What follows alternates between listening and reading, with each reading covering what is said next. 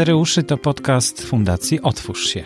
To podcast, w którym rozmawiamy o pasjach, zainteresowaniach oraz inspiracjach.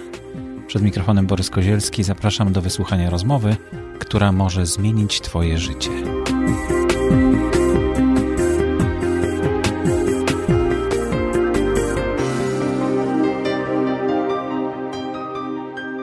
Witam serdecznie w kolejnej audycji. No i tutaj właśnie jeszcze nie wiem, co to będzie za audycja, ale wszystko wskazuje na to, że to będzie audycja w cztery uszy. A zaprosiłem do studia dzisiaj mm, panią Krzysię Bezubik. Dzień dobry. Dzień dobry.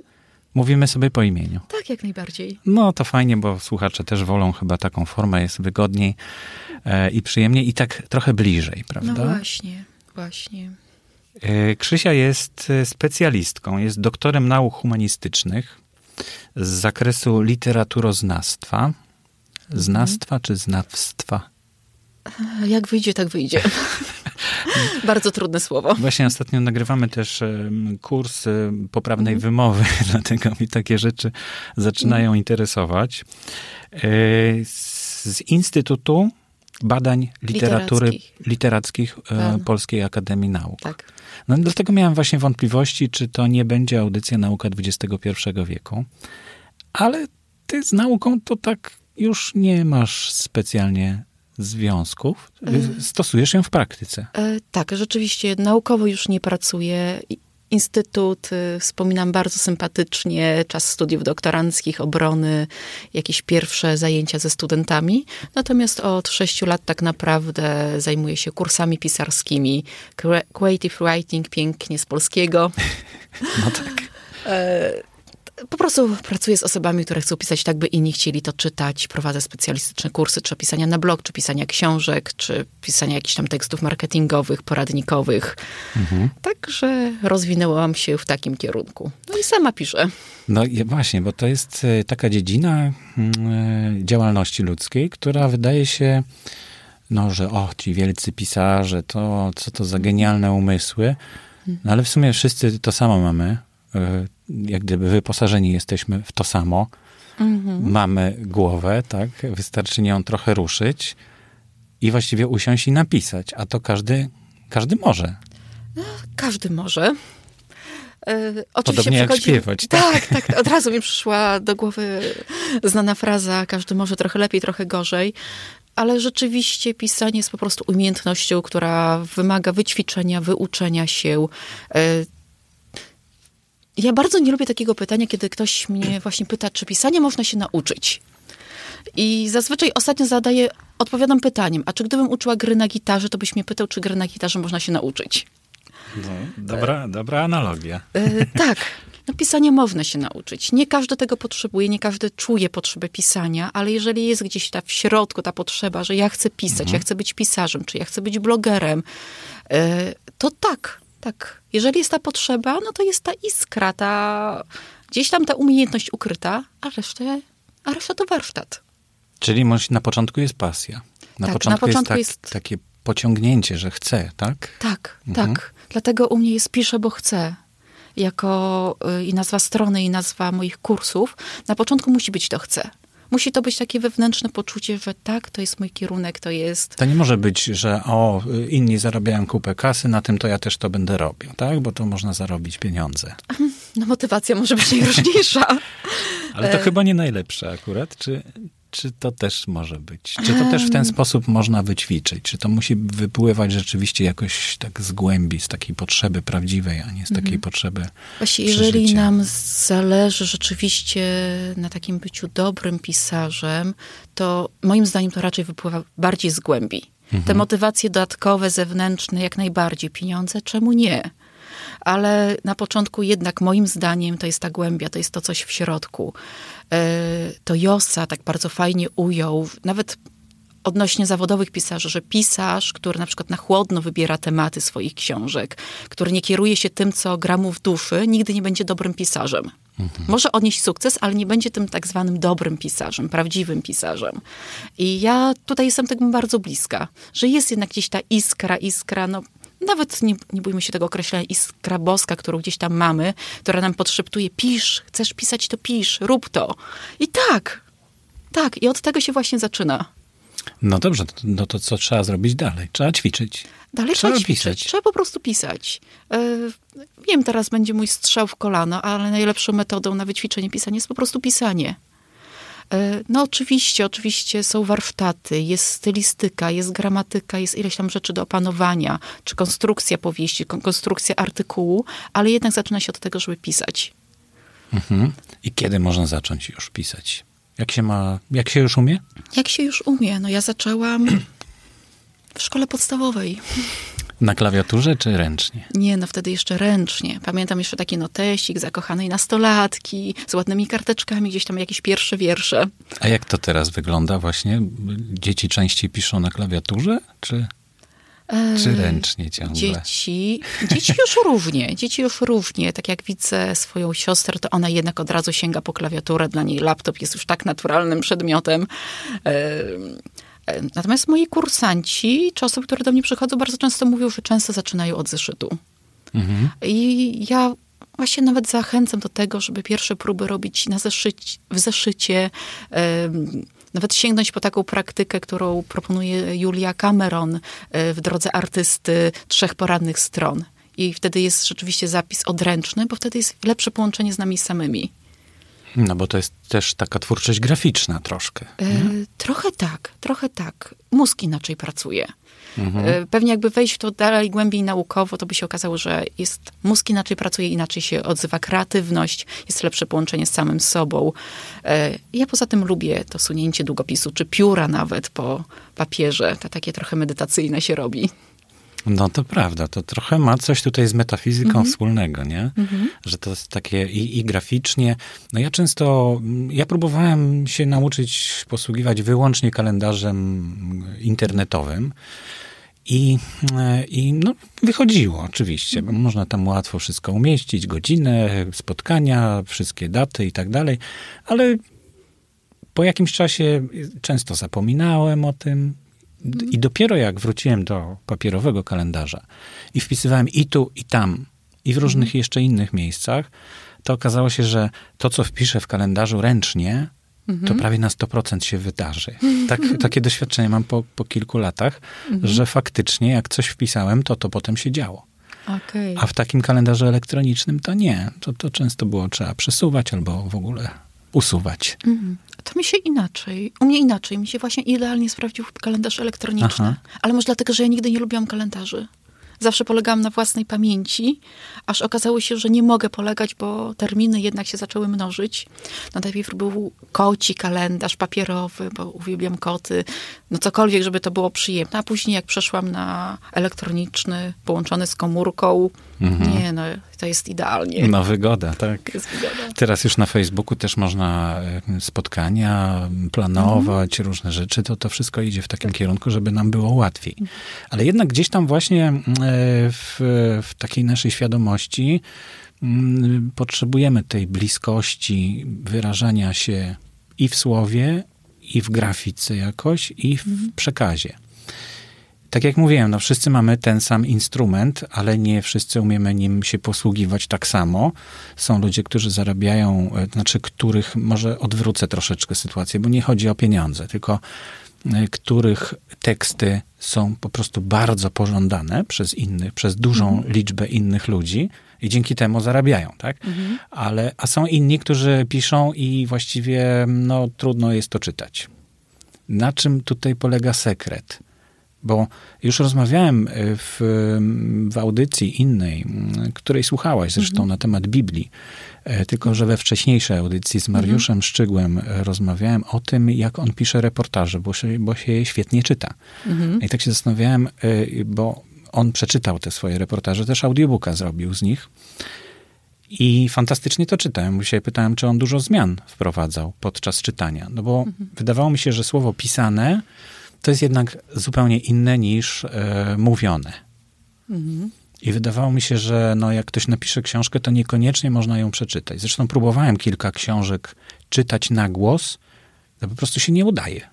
Mhm. Bo tekst jest tak napisany, można go śmiało tam w myślach sobie przeczytać i zrozumieć, natomiast jak się go czyta na głos, to nagle tutaj sporo rzeczy nie pasuje. I okazało się, że on właśnie stosował taką metodę, że każde zdanie, które napisał, czytał sobie na głos, żeby je usłyszeć, żeby ono wybrzmi wybrzmiało. Mam to samo. Tak? Tak, no właśnie. tak. Czyli to może jest jakiś pomysł, żeby... I To tak jest bloga pomysł. piszesz, tak? E, tak bloga piszę, tak napisałam swoją książkę literacką. E, nie wiem, ile razy ją przeczytałam na głos. Rzeczywiście wszystko czytam na głos, bo to jest całkiem inny odbiór wtedy. I wtedy słychać, czy coś zgrzyta, czy nie zgrzyta, czy ładnie brzmi to zdanie. No, dla mnie jest bardzo ważna melodia. Ja tą melodię właśnie słyszę, kiedy sobie przeczytam na głos. No tak, i rytm tej melodii. Tak, Mhm. tak. Czyli dochodzimy do tego trzeciego wymiaru. Bo No, jednak. no, mamy i, e, i myśl, i e, zapis graficzny, i jeszcze e, dźwięk, czyli to taki ten trzeci wymiar według mnie tej, tego, Mhm. tego pisania. No dobrze, ale to w takim razie od czego zacząć? Od pisania. Po prostu siadamy i piszemy. Chcemy pisać, to piszemy. Co nam ślina na język przyniesie, Dokładnie. słyszymy dokładnie. to i zapisujemy, tak? Tak, tak. Po prostu od tego pisz, od tego zaczynamy, od takiego automatycznego pisania, żeby się rozpisać, żeby zacząć przelewać myśli na papier. Przychodzą pomysły na opowiadanie, to zapisujemy je. E, Przychodzą jakieś zdania ciekawe, zapisujemy je. Po prostu, żeby się rozpisać. E, Troszeczkę ina- inaczej mają osoby, które cały czas gdzieś tam piszą, pracują ze słowem pisanym. Im łatwiej później przejść do napisania już konkretnego tekstu. Trochę inaczej osoby, które na co dzień nie piszą, a mają tylko tą potrzebę pisania jednak to rozpisanie się, rozćwiczenie no, mięśnia pisarskiego trochę czasu zajmuje. I No, Ładnie dlatego. powiedziane, mięsień pisarski. Bo to jest taki mięsień pisarski. E, I rzeczywiście takie automatyczne pisanie, czy to przez 15 minut o czymkolwiek, jakkolwiek, bardzo, bardzo pomaga. I pokazuje. Później się nawet tego nie, nie trzeba tego czytać. Nawet nie powinno się czytać, bo na początku wręcz e, można się przestraszyć Aha. tych swoich zapisów, ale, y, ale tak, od tego się zaczyna. A później, no później, no kolejna rzecz, która jest ważna przy pisaniu, czytanie innych. To jednak nie da się być Mhm. Ale od dobrym... tego się zaczyna chyba Tak. zawsze, nie? Bo najpierw się czyta cudze, produkcja, a dopiero potem przychodzi ta chęć, żeby coś samemu opowiedzieć, nie? E, To jest taka najbardziej naturalna droga. Mhm. To jest taka najbardziej naturalna droga i no nie da się jednak być pisarzem, który nie czyta. To King w swoim poradniku, że, pamiętnik rzemieślnika, e, bardzo mocno podkreśla, że żeby się nauczyć pisać, trzeba przede wszystkim pisać, po drugie czytać. E, Dla mnie to jest niesamowite, jak on opowiada o swoim rytmie dnia, kiedy jest kilka godzin pisania, a później przez dwie godziny czyta sobie. E, No i no właśnie, on zarabia miliony i jest bardzo chętnie czytany, więc możemy pójść jego drogą. No, każdy musi znaleźć pewnie jakąś swoją drogę do tego. Tak, tak. Mm, I sz- poszukiwania zacząć od pisania do Mhm. szuflady albo do śmietnika nawet, tak? No tak mówiłeś, żeby nie czytać tego później. No tak, chociaż wiesz, ja te swoje notatki wszystkie mam i trzymam. Jakoś nie potrafię się z nimi rozstać. A sięgasz do nich w ogóle, czy nie? E, czy sięgam? Jeżeli wiem, że coś tam zaznaczyłam na marginesie, Mhm. że jest coś, do czego chcę wrócić, to tak, to wtedy sięgam. Mhm. Jeżeli nie, to nie. Ale one gdzieś tam są. To taka część mnie, która ma być. No niestety magazynuje zeszyty w efekcie. Aha, czyli jednak zeszyty, a nie elektronicznie. E, tak, tak. Może dlatego, że w swoim czasie, robiąc porządki, wyrzuciłam jakieś stare pamiętniki, nie pamiętniki. Do tej pory czuję żal z tego powodu. I teraz już trzymam to wszystko. E, Ale wiesz, różnie piszę. Rzeczywiście te codzienne takie zapiski, niezapiski, e, dużo jest ręcznie, ale kiedy siadam do bloga, czy piszę kolejny poradnik, bardzo często od razu zaczynam na komputerze. Plany, plany, pomysły odręcznie, jakieś na karteczki, nie karteczki. U mnie biurko jest całe zawalone karteczkami. E, Nie mogę gości zapraszać do gabinetu. Ale jeśli już jest blog, to rzeczywiście od razu jest myśl, jest klawiatura, idzie. Chyba, że mam blokadę, to wtedy znowu wraca długopis, kartka i całkowicie inaczej przychodzi myśl. No dobrze, to tak trochę porozmawialiśmy o takich początkach. Mhm. Powiedz, y, gdzie się zaczyna twoja rola, bo ty uczysz, jak pisać. Tak. Mhm. W którym momencie?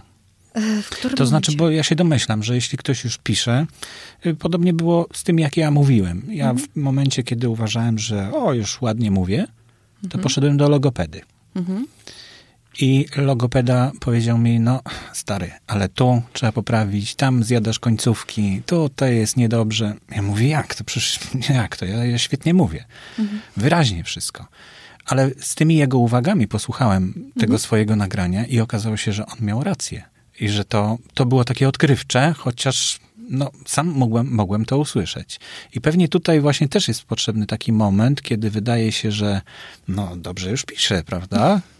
To teraz e, już, no, już jestem o krok od publikacji, powiedzmy, mhm. czy na blogu, czy, czy w jakiejś książce, czy opowiadania. Mhm. No ale to chyba warto się cofnąć, tak? I skonsultować to z kimś. E, tak, warto się cofnąć, warto z kimś skonsultować. Moja rola zaczyna się w momencie, kiedy ktoś mówi, że chce pisać, ale ale nie ma czasu, ale e, nie jest pewien, czy potrafi pisać, ale wydaje mu się, że pisanie jest takie wyjątkowe, tylko dla wyjątkowych ludzi. Te wszystkie mity wokół pisania, które krążą, no, tego mnóstwo jest.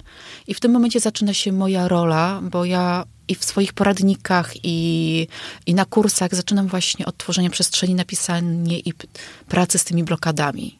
Jak je osłabić, jak z nimi przejść, jak zbudować wiarę w to, że mogę. Mhm. Moje kursantki tak mocno podkreślają, że ja przede wszystkim ich uskrzy je uskrzydlam, że pokazuję, jakie mają możliwości. I no, ja naprawdę wierzę, że jeśli człowiek za, uwierzy w to, że może, zacznie pisać więcej, automatycznie też zacznie pisać lepiej.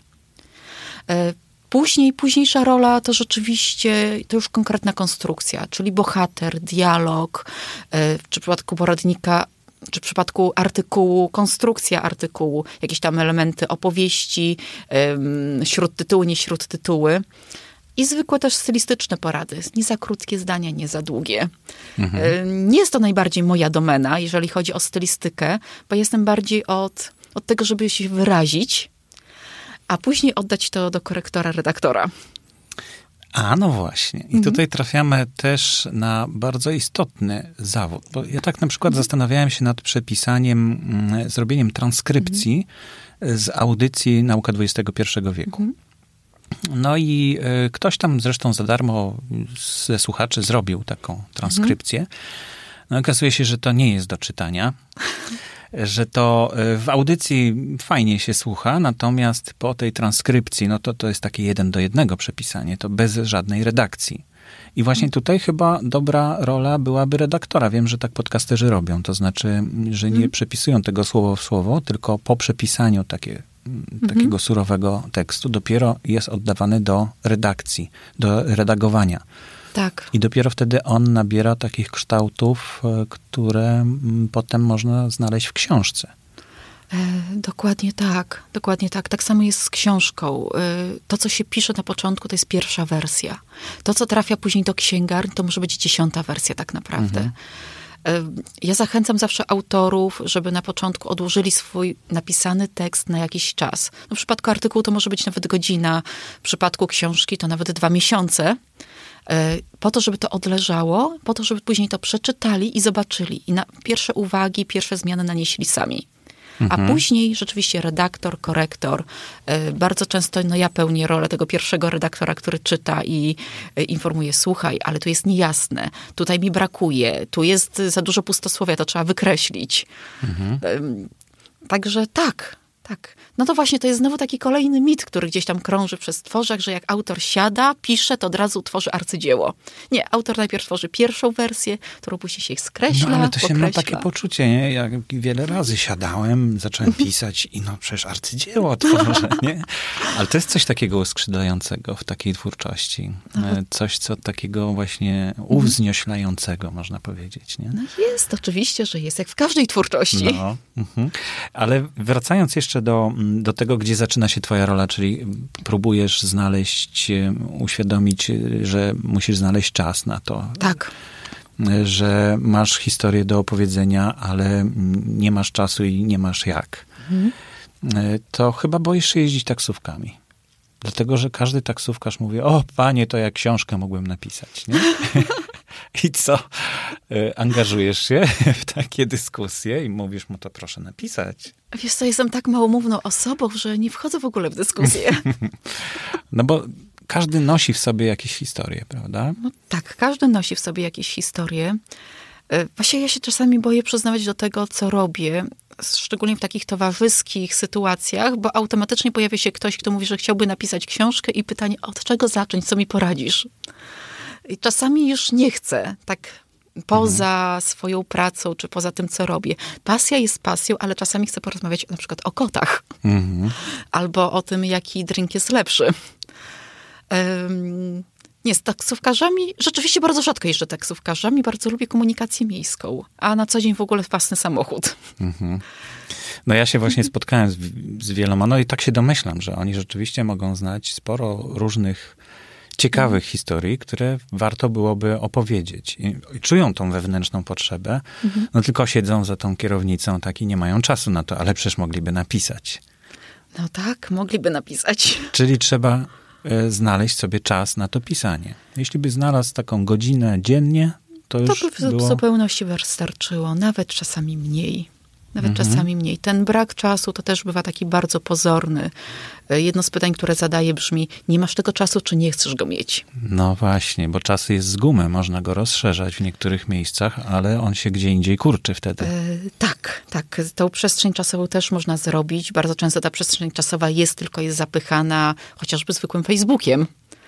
Em, ale też bywa, że ten brak czasu to jest wymówka dla czegoś innego. Na przykład dla takiej myśli, przecież ja nie potrafię.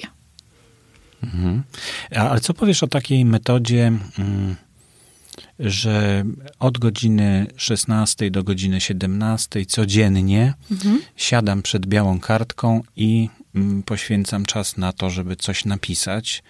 I nawet jeśli nic mi nie przychodzi do głowy, to nic innego nie robię, tylko wpatruję się w tą kartkę. A to jest bardzo dobra metoda.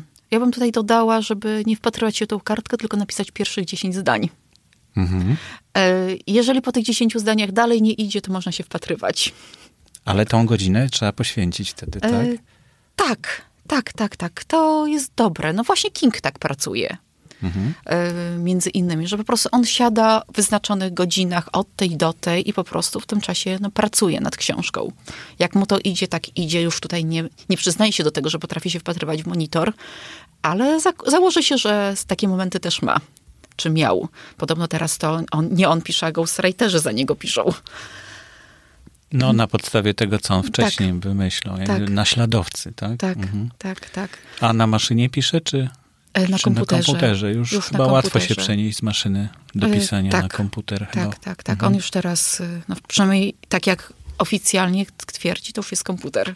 Mhm. E, Tak, to jest dobra metoda.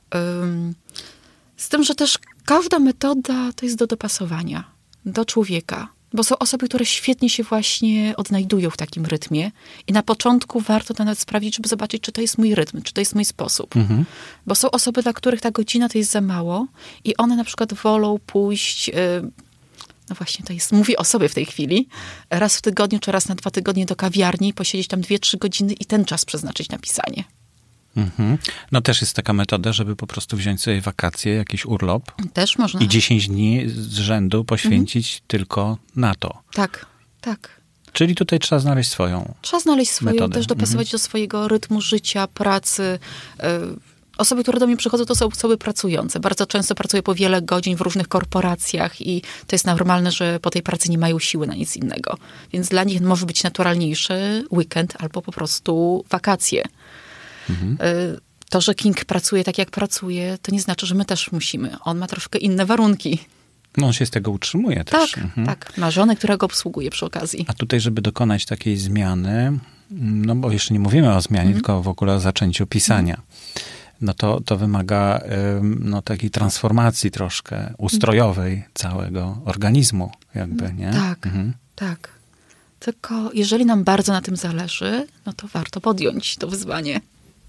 Y, A to musi wynikać z potrzeby, po prostu Tak. ze zwykłej ludzkiej potrzeby, tak. żeby się dzielić Mhm. informacjami. A powiedz, mm, y, jak myślisz, czy ciekawsze są doświadczenia własne w pisaniu, czy doświadczenia cudze, zasłyszane na przykład? Oj, wszystkie są fajne. E, własne też, bo własne są własne, są moje, są Ale przerobione ich jest mało mnie. chyba w stosunku do, do tego, co, co można opisać, nie? No jest mało. Czyli trzeba czerpać E, od znajomych. O Od tych, o których mówiłaś, że idziesz na kawę, tak? Nie chcesz Czemu rozmawiać nie? o książce, to Czemu tam słyszysz nie? historię. Ale można też sięgnąć na przykład po taką alchemię słowa Parandowskiego i poczytać, jak to Mhm. wielcy sobie radzili, po biografię. E, Wtedy też e, różne m- mity czy tam przekonania po prostu też odchodzą. Ale takie no, poczytanie, jak to ktoś potrzebował zielonego abażuru do pisania, czy czarnego, czy Baudelaire e, kwiaty złapisał w świetle świeczki, bodajże ukradzionej świeczki. Y, no to są fascynujące historie. Y, To pokazuje, jakie pisarze mają rytuały i moim zdaniem warto też po takie rytuały sięgnąć i je tworzyć. Y, Osobiście w swoim czasie miałam filiżankę, którą dostałam od kursantki z takim tekstem, to będzie twoja pisarska filiżanka. I rzeczywiście Zadziałało. Zadziałało. Zadziałało. Przy, z niej piłam herbatę, kiedy siadałam do pisania chociażby raju na kredyt i bardzo fajnie działało. Dopóki filiżanka się nie zbiła. Ale tak, tak. Czytać, e, oglądać, słuchać różnych wypowiedzi, bo to jest fascynujące. I zapisywać. I zapis... Może zapisywać, może zapamiętywać.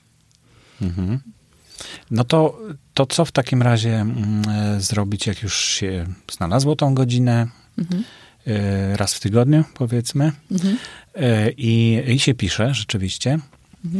No i mówiłem o tym, że warto skonfrontować się to, to swoje pisanie, jak już uważamy, że jest ok, tak? Na przykład. To jakie uwagi mogę dostać wtedy? Odnośnie stylu, tak? Błędów ortograficznych. E, tak, stylu błędów ortograficznych e, też, chociaż od tego są bardziej korektorzy.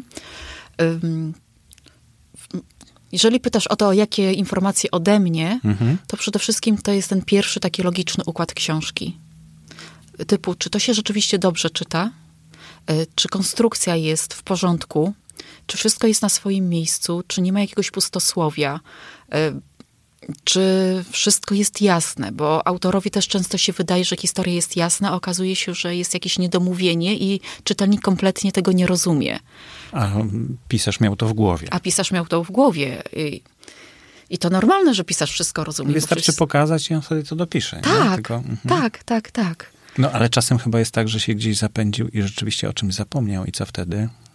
No Co wtedy? No, No wtedy trzeba bo dopisać. coś jest, coś jest nielogicznego, brak konsekwencji na przykład, Mhm. taki mocny. Trzeba coś wykombinować, tak? Wtedy. S- Jeżeli potrafił napisać całą książkę, to już potrafi dopisać brakujący element, czy go wymyślić. Chociaż są pisarze, którzy no, uciekają w różne sztuczki, typu mój bohater jest pijany, mój bohater e, jest... Mój bohater akurat śpi, więc mamy konstrukcję oniryczną, więc wszystkie nielogiczności są wyjaśnione Mhm. sytuacją. No tu jest cała masa możliwości. Trzeba Tak. mieć tylko wyobraźnię. No tak, a pisarze mają. Ale no to prawda, ale docierając do ciebie mm, y, i konfrontując ją z twoim, jak gdyby, od z twoją Mhm. oceną, nie boisz się, że możesz podcinać skrzydła? Staram się to robić tak, żeby nie podcinać skrzydeł. Y, To sobie dałam jako cel na samym początku, że jeżeli już to ja chcę uskrzydlać, a nie podcinać. Y, Dlatego, kiedy prowadzę jakieś kursy, wyzwania, zawsze w regulaminie jest zakaz wytykania błędów ortograficznych, interpunkcyjnych. Tak swoją drogą Mickiewicz nie wiedział, gdzie postawić przecinek. Y, Troszeczkę tych dyslektyków, pisarzy, poetów też mamy. I to nie jest najważniejsze. Y, Nie, ja stosuję taką zasadę, że przede wszystkim skupiam się na tym, co jest pozytywne, co jest dobre i pokazuję to autorowi i podpowiadam, co poprawić. Y, Nie krytykuję W ogóle. w ogóle. W ogóle. Y, Jeżeli daję tą informację zwrotną, co jest poprawić, ale bez takiego mm, nastawienia, że to jest krytyka. Typu raczej, że lepiej byłoby inaczej napisać, albo moim zdaniem. Y, Też daję autorom taką przestrzeń, że oni mogą moje uwagi odrzucić. Mogą ze mną je przedyskutować, mogą je przemyśleć, ale mogą też odrzucić. I ja to przyjmuję. To jest decyzja autora. No i e, z tych e, twoich e, pomocy, z tej pomocy korzystają poprawiając, tak? I znowu Też. przychodzą do ciebie i co w końcu mówisz, że jest okej, tak? Tak, tak też może wyglądać. No na kursie troszeczkę inaczej wygląda, bo na kursie po prostu piszą na zadany temat konkretne czy artykuły, czy konkretne opowiadania, fragmenty. E, Jestem świetna w wymyśleniu ćwiczeń pisarskich. E, Ale właśnie przede wszystkim się rozpisują i już kolejne książki, gdzie takie stworzone, niby ćwiczeniowe teksty znalazły się jako fragmenty książek.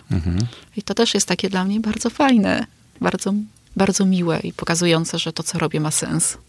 A też zajmujesz się, bo mówiłaś, wspomniałaś o biografii, na przykład, że to jest fajny pomysł, żeby znaleźć sobie, tak, tak to rozumiem, że znaleźć sobie osobę, która no jakoś mnie fascynuje, interesuje mnie jej życie i to, co osiągnęła ta osoba i zająć się po prostu biografią, pisaniem biografii tej osoby, tak? E, można, chociaż ja się tym nie zajmuję. To chyba gdzieś e, niewyraźnie się wypowiedziałam.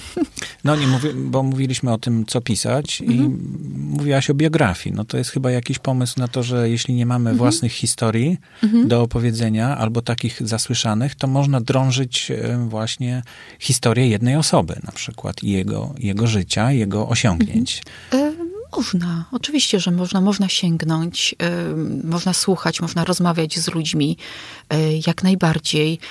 Mm, Teraz jest taka tendencja, zauważyłam, że ludzie chcą bardzo pisać na podstawie swoich własnych doświadczeń, czego, czegoś, co przeżyli, e, zmieniają swoje życie i chcą tą zmianę opisać. To jest taki współczesny trend i okej, okej, w porządku, taki trend jest, ale sięganie po życie innych też jest fajne. Oczywiście, no wtedy weźmy ten kamuflaż literacki, nie róbmy wszystko jeden do jednego, Y, a jeżeli chcemy, to upewnijmy się, że ta osoba sobie tego życzy, Y, bo jednak jakiś, jakiś szacunek do drugiego człowieka też się należy. A, czyli podczas takiej rozmowy, jak ktoś opowiada ciekawą historię, to powiedzieć, słuchaj, fajna historia, chciałbym ją użyć w książce, tak? A dlaczego nie? Dlaczego nie? No w takich sytuacjach ludzie na ogół są no, tacy podniesieni. Y, Że czy- to jest wartościowe. że to jest wartościowe. To jest wartościowe. No ale tak się robi. Czasami jakieś zdanie usłyszane na ulicy potrafi naprawdę zainspirować i sprawić, że tworzy się cała historia w głowie. A jak powiedz mi w tej chwili wygląda mm, od takiej strony stylistycznej pisanie? Czy częściej pisarze piszą w pierwszej liczbie, znaczy w pierwszej osobie, czy raczej używają narratora? E, Raczej w trzeciej. Te osoby, które przychodzą do mnie, raczej decydują się na tą trzecią os- trzecioosobową narrację. Czyli dodatkową osobę muszą wymyślić tak naprawdę, która opowiada. No jest ten narrator, jest ten narrator, ale czy koniecznie dodat- to jest dodatkowa postać? Bardzo często narrator jest tak naprawdę tożsamy z którąś z postaci, bo ten, no właśnie, tutaj wchodzimy już w punkty widzenia, bo narrator może być wszech, wszechwiedzący, ale też narrator może mieć wiedzę ograniczoną do wiedzy jednego z bohaterów. I mimo, że to jest narracja w trzeciej osobie, to tak naprawdę... No, ale czasem to się może ładnie łączyć, tak Może. jak u Masłowskiej zdaje się, prawda? Mhm. Masz na myśli wojnę polsko-ruską? Tak. No tak, to to jest... Tak, ale tam mamy już typową narrację pierwszoosobową, tak jak pamiętam. Ale tam się to przenikało właśnie, że Mhm. gdyby narratorka stawała się innym bohaterem A rzeczywiście, rzeczywiście tam... Tak. i że ona jest autorką tutaj. Mhm. A to rzeczywiście Masłowska ten, też ten ciekawy zabieg, że wprowadziła Mhm. siebie, czy właśnie postać autorki do książki, która też opowiada. A wydawało się, że już nic nie można wymyślić, nie? A to jest chyba genialny zabieg. To jest Mhm. chyba odkrycie, tak mi się wydaje, bo to jest pomieszanie, Mhm. e, trochę miesza się w głowie No trochę czytelnikowi. tak. Nie? Trochę tak. Nie no, cały czas jeszcze jest pole do popisów. Można sięgać, można sięgać klasycznie, można wymyślać i ym, to samo, co Karpowicz robi chociażby w Sońce. Przecież te równe narracje i, i opowieść Sońki i to, co się dzieje na scenie. Znowu mamy zabawę z konstrukcją, z narracją. Niekończąca się historia przecież Mhm. Michaela Ende. To taka e, no, też wciągająca właśnie mm, czytelnika jak gdyby w, w bieg wydarzeń. Nie? I, I staje się też, czytelnik staje się bohaterem też tej, tej książki. To były takie też e, przełomowe rzeczy. No więc jest dużo do wymyślenia, prawda? Każdy może Jest. mieć swój pomysł przełomowy i pisać. Może też pisać klasycznie i to nie, nie jest e, żadną przeszkodą czy żadną wadą. Chociaż no, znowu, co to znaczy pisać klasycznie? Mhm. No właśnie, bo tak e, w Młodej Polsce się pisało jakimś tam stylem i teraz tak. trudno jest pisać stylem młodopolskim, bo mhm. tak samo jak secesja, tak? Secesja była jakimś e, no, graficznym wyobrażeniem, e, znaczy ekspresją mhm. i w tej chwili trudno jest zrobić coś takiego. Nie wiem, już jakoś ten duch minął. E, tak, duch minął, czasy się zmieniły. No podobno Młodej Polski nie da się czytać. Nie wiem dlaczego, bo ja akurat Młodą Polską się zajmowałam. E, ale tak, tak. E, właśnie kiedy mówię tak klasycznie, to mam na myśli taki typowy narrator trzecioosobowy, gdzie są główni boha główny bohater, narracja gdzieś tam linearnie opowiedziana, ewentualnie z niewielką retrospekcją. Mhm. Tak typowo, ale można się też bawić. No bo klasycznie to chyba też tak, że narratora nie, nie odbiera się jako osobę właśnie, -hmm. prawda? Tylko, tylko po prostu to jest jakiś taki przewodnik albo taki... Tak, taki opowiadacz. -hmm. A powiedz mi, bo sięgając do tych dzieł z domeny publicznej, mm -hmm. bo tutaj pracujemy w studiu aktorskiej mhm. interpretacji literatury nad e, właśnie takimi audiobookami, do niektórych tekstów jak sięgamy, to one od razu odrzucają bo to mhm. są sprzed powiedzmy wieku albo mhm. półtora wieku. Ich się po prostu już nie da czytać, nie rozumiemy. E, one, mówi się, że trącą myszką. No niestety literatura też się starzeje. Ale niektóre nie. Mhm. I gdzie tutaj jest, to, to jest ta klasyka właśnie, gdzie, że to przetrwało próbę czasu i że można to czytać również po 100-200 mhm. latach, 400? Mhm. To mi przypomina tak jedno z zajęć jeszcze z czasów moich studiów magisterskich, właśnie o tym rozmawialiśmy, y, co jest arcydziełem. I jednak ta próba czasu tak naprawdę pokazuje, jeżeli tekst przetrwa i dalej jest do czytania, dalej jest zrozumiany, dalej ma jakieś uniwersalne przesłanie, to tutaj możemy mówić o arcydziele. No, do takich wniosków kiedyś tam doszliśmy. Mhm. E, w ramach teorii literatury. Ale tak, są teksty, które się starzeją. Są teksty, które się starzeją i ja przez jakiś czas pracowałam w szkole i przerażało mnie, przeraziło mnie moment, kiedy do szkoły wróciły wspomnienia niebieskiego mundurka. Bo dla mnie właśnie to była książka już niezrozumiała dla dzieciaków, z którymi pracowałam. Już nie napisana tym językiem. Książka, która akurat się zestarzała. Mhm. No ale są takie arcydzieła, które po dwóch tysiącach lat nawet Tak, nadal przetrwają. zachwycają. Owidiusz, którego czytaliśmy. Mhm. Homer. Mhm. No właśnie, to tacy no, pierwsze bestsellery. Nie? No właśnie. Biblia też właściwie mhm. jest ciągle bestsellerem. Mhm. No właśnie, na początku też przecież przekazywane ustnie, już nie mówię o Biblii, ale Homer, Owidiów chyba też częściowo był ustny. No, tego nie wiem. Te, dobrze, tego nie wiem, ale Homer na pewno przecież ten mhm. zapis powstał długo, długo już po Homerze. Hmm. Dobrze, czyli mamy powiedzmy jakiś zarys, już gotowy, gotową treść, czyli co, do ciebie się zgłaszamy? Gdzie? Na blogu? E, na blogu piszę, bo chcę.pl. Mhm. Tu najprościej mnie znaleźć przez bloga. Najlepiej sobie poczytać wcześniej, żeby się oswoić, tak? Żeby się nie bać. tak, tak. Zapraszam do czytania tego, co piszę. Blog jest, istnieje już prawie trzy lata, więc jest co poczytać. Mhm. I co tam można znaleźć? Już w tych wpisach, które są? E, już bardzo dużo artykułów oczywiście o pracy z blokadami jest. Mhm. E, poradnikowych, e, stylist może nie stylistycznych, ale poradnikowych tak. Na pewno coś jak zapisać dialog, ozdobniki prozy. Takich, tak? takich technicznych mhm. również. Mhm. Trochę też artykułów związanych z pisaniem zawodowym.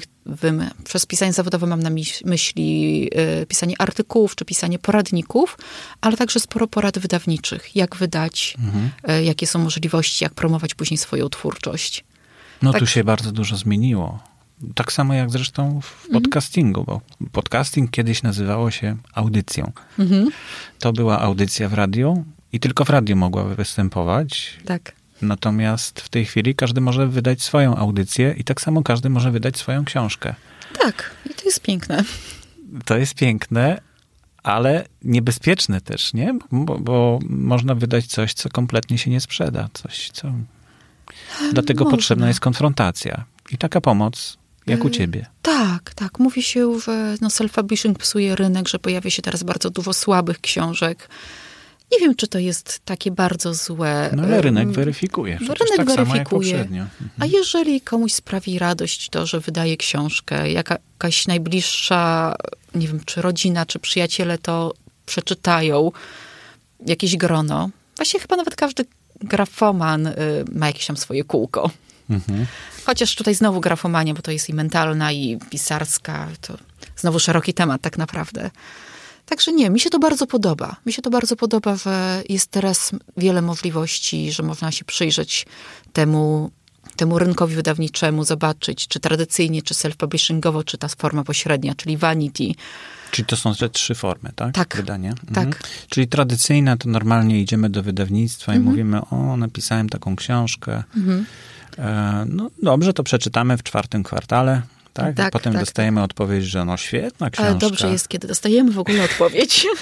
No, ale powiedzmy, dostajemy no. odpowiedź i co wtedy dalej?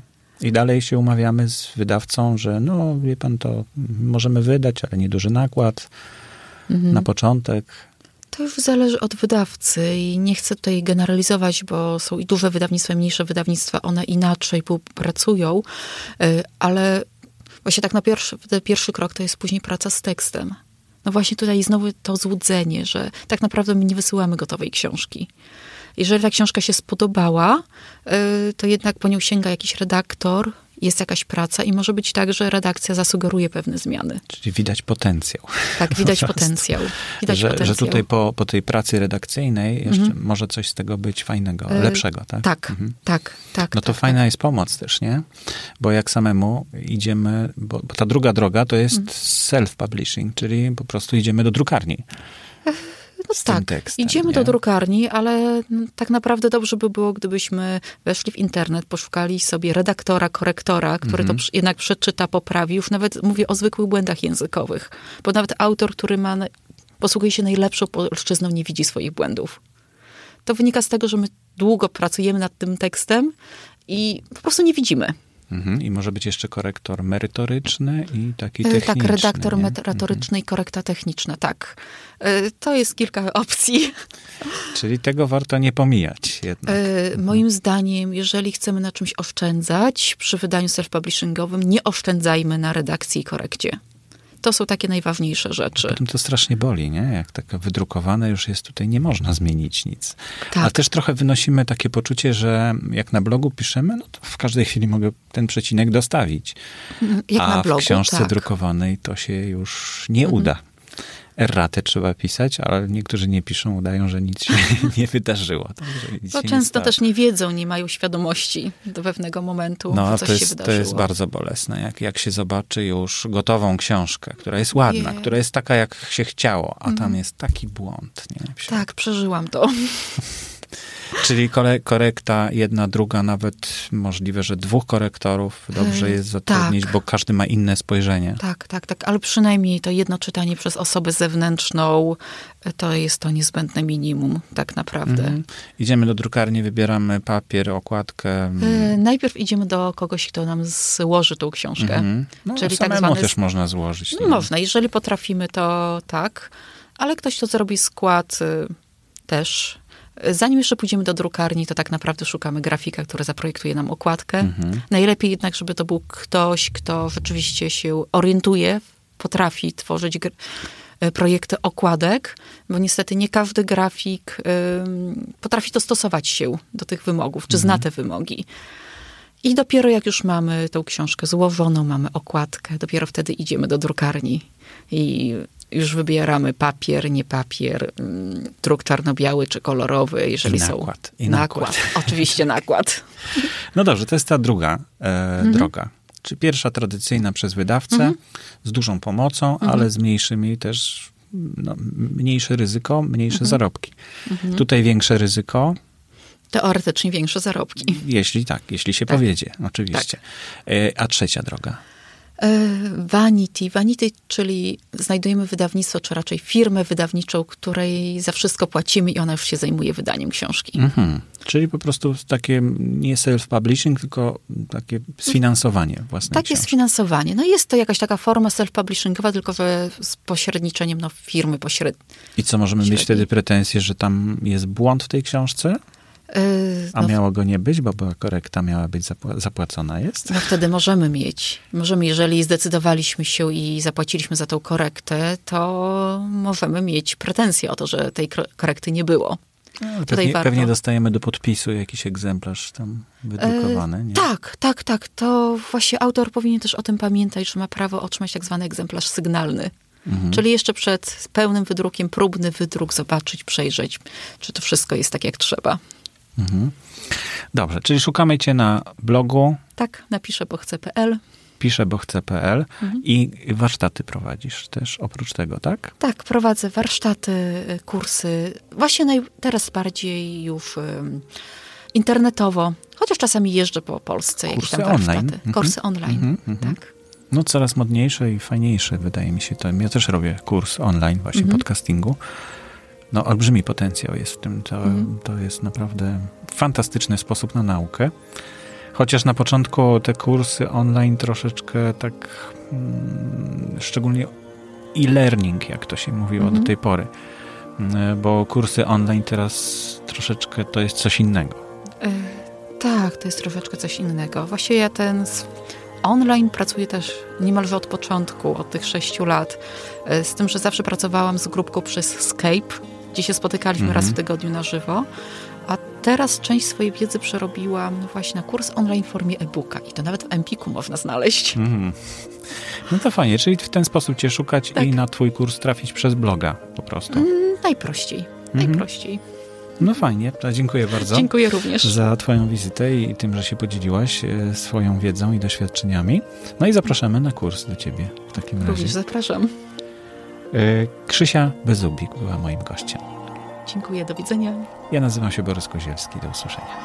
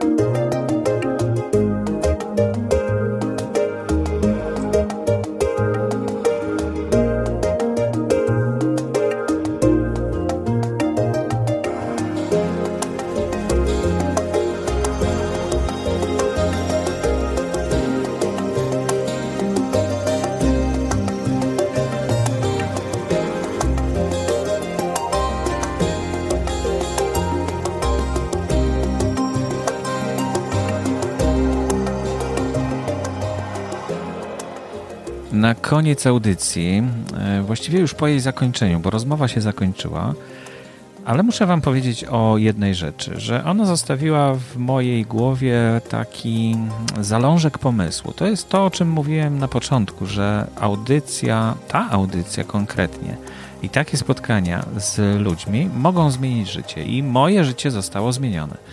Dlatego, że postanowiłem sobie że zacznę pisać. Nie, jeszcze to nie jest absolutnie nic do pokazania, w ogóle nie powinienem o tym mówić, że coś piszę, ale chciałem się z wami podzielić tym, e, tą inspiracją i tym, co się wydarzyło po nagraniu tej audycji.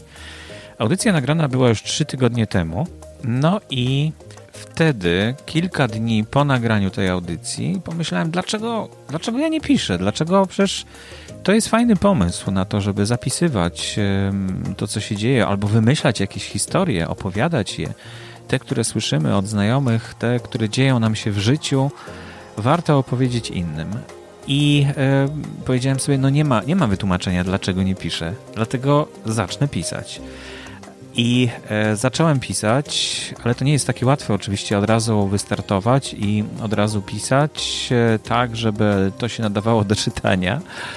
I dlatego zacząłem pisać do śmietnika. Tak sobie nazwałem to wyzwanie, e, że piszę do śmietnika, czyli po prostu nawet ja tego nie czytam. To znaczy postanowiłem sobie poświęcić mniej więcej 3 godziny w tygodniu na to, żeby usiąść przy klawiaturze i po prostu pisać. Pisać, co mi ślina na język przyniesie, albo mm, stukanie w klawiaturę na monitor, co przyniesie E, I tak się dzieje od e, dwóch tygodni już. E, siadam rzeczywiście sobie w Google Campus. Mm, tam jest w miarę spokojnie, nikt nie zaczepia. Można herbatę sobie wypić, kawę. Miejsce fantastyczne. Można wyjść, odetchnąć sobie świeżym powietrzem, popatrzeć na rosnące wokół budynki w centrum Koneser. Nie wiem, czy to centrum, czy to, to no to chyba będzie takie centrum handlowo rekreacyjno, nie wiem, kulturalne może też. E, I e, tam sobie odetchnąć, wrócić z powrotem i pisać, i pisać, i pisać. I tak rzeczywiście mi się udaje już e, technicznych problemów z pisaniem nie mam. Wprawdzie ja nie piszę pięcioma palcami, bo tego niestety nie nauczyłem się ani w dzieciństwie, ani później. Może mi się uda, nawet sobie no, na stronie internetowej można znaleźć taki program, który pomaga nauczyć się pisać bezwzrokowo, mm, ale okej, okay, no piszę szybciej niż ręcznie, w każdym razie na klawiaturze. E, I od e, tych trzech tygodni udaje mi się to, że siadam przy, przy klawiaturze i piszę. Nawet e, raz mi się zdarzyło częściej, bo byłem w studiu nagraniowym, nagrywaliśmy Norwida. No i ja miałem trochę czasu, w związku z czym usiadłem przy tablecie i zacząłem stukać w ten tablet. Mm, nie powiem, że to jest coś, co już e, osiągnąłem jakiś poziom taki, że, że zacznę coś wymyślać. Na razie nie stresuję się tym, nie myślę o tym, żeby pisać coś sensownego, konkretnego, żeby to było jakieś opowiadanie czy coś. Nie na razie po prostu piszę, mm, żeby się rozpisać, żeby pisanie samo jako, jako czynność nie stanowiło żadnego problemu. E, jeśli Wam się spodoba to wyzwanie, no to zapraszam do takiego wyzwania. Podzielcie się ze mną, czy coś w tej dziedzinie udało Wam się zrobić. Myślę, że tutaj kluczowym, um, kluczową sprawą jest znalezienie sobie czasu. No czas możemy znaleźć zawsze na to, co chcemy robić. Jeśli jest w Was przekonanie, że chcecie pisać, chcecie nauczyć się pisać, no to podejmijcie takie wyzwanie, znajdźcie sobie ten czas, niech to będzie godzina tygodniowo nawet, e, usiądźcie i piszcie. Mi czas podczas tego pisania mija błyskawicznie, nawet nie wiem kiedy, Y, jestem w stanie się w to zaangażować i to chyba świadczy o tym, że mogę to robić, mogę to dłużej robić. To być może jest jakaś moja pasja. A ona już dawno się zrodziła, jak e, pisałem mnóstwo listów, no ale to jest temat na, na inne opowiadanie i być może na jakieś opowiadanie właśnie, które, które w końcu się może urodzi z tego. Także Krzysiu, bardzo dziękuję Ci za tą inspirację trzy tygodnie już mi się udaje. Fajnie, że mogę już się pochwalić takim dorobkiem. E, jeśli ktoś z Was, słuchaczy, też zainspirował się do tego, żeby pisać i podejmuje takie wyzwanie, to napiszcie, jak Wam wychodzi, jakie to wyzwanie jest, czy ono jest takie jak moje, czy jakieś inne. Jak sobie radzicie z tym, żeby wprowadzić w życie to, co wydaje się, że nie ma powodu, żeby tego nie wprowadzić. No to taka refleksja została mi po tej audycji i chciałem się z Wami tą refleksją podzielić. A słuchamy w tej chwili muzyki Bartosza Klimaszewskiego, która no, już od dawna, od samego początku tej audycji ilustruje nam e, koniec audycji. To jest utwór pod tytułem Our Time, Our Space. Bardzo dziękuję Ci Bartosz jeszcze raz za, e, za ten utwór, za udostępnienie go. A wszystkim słuchaczom dziękuję za wysłuchanie i do usłyszenia w następnej audycji.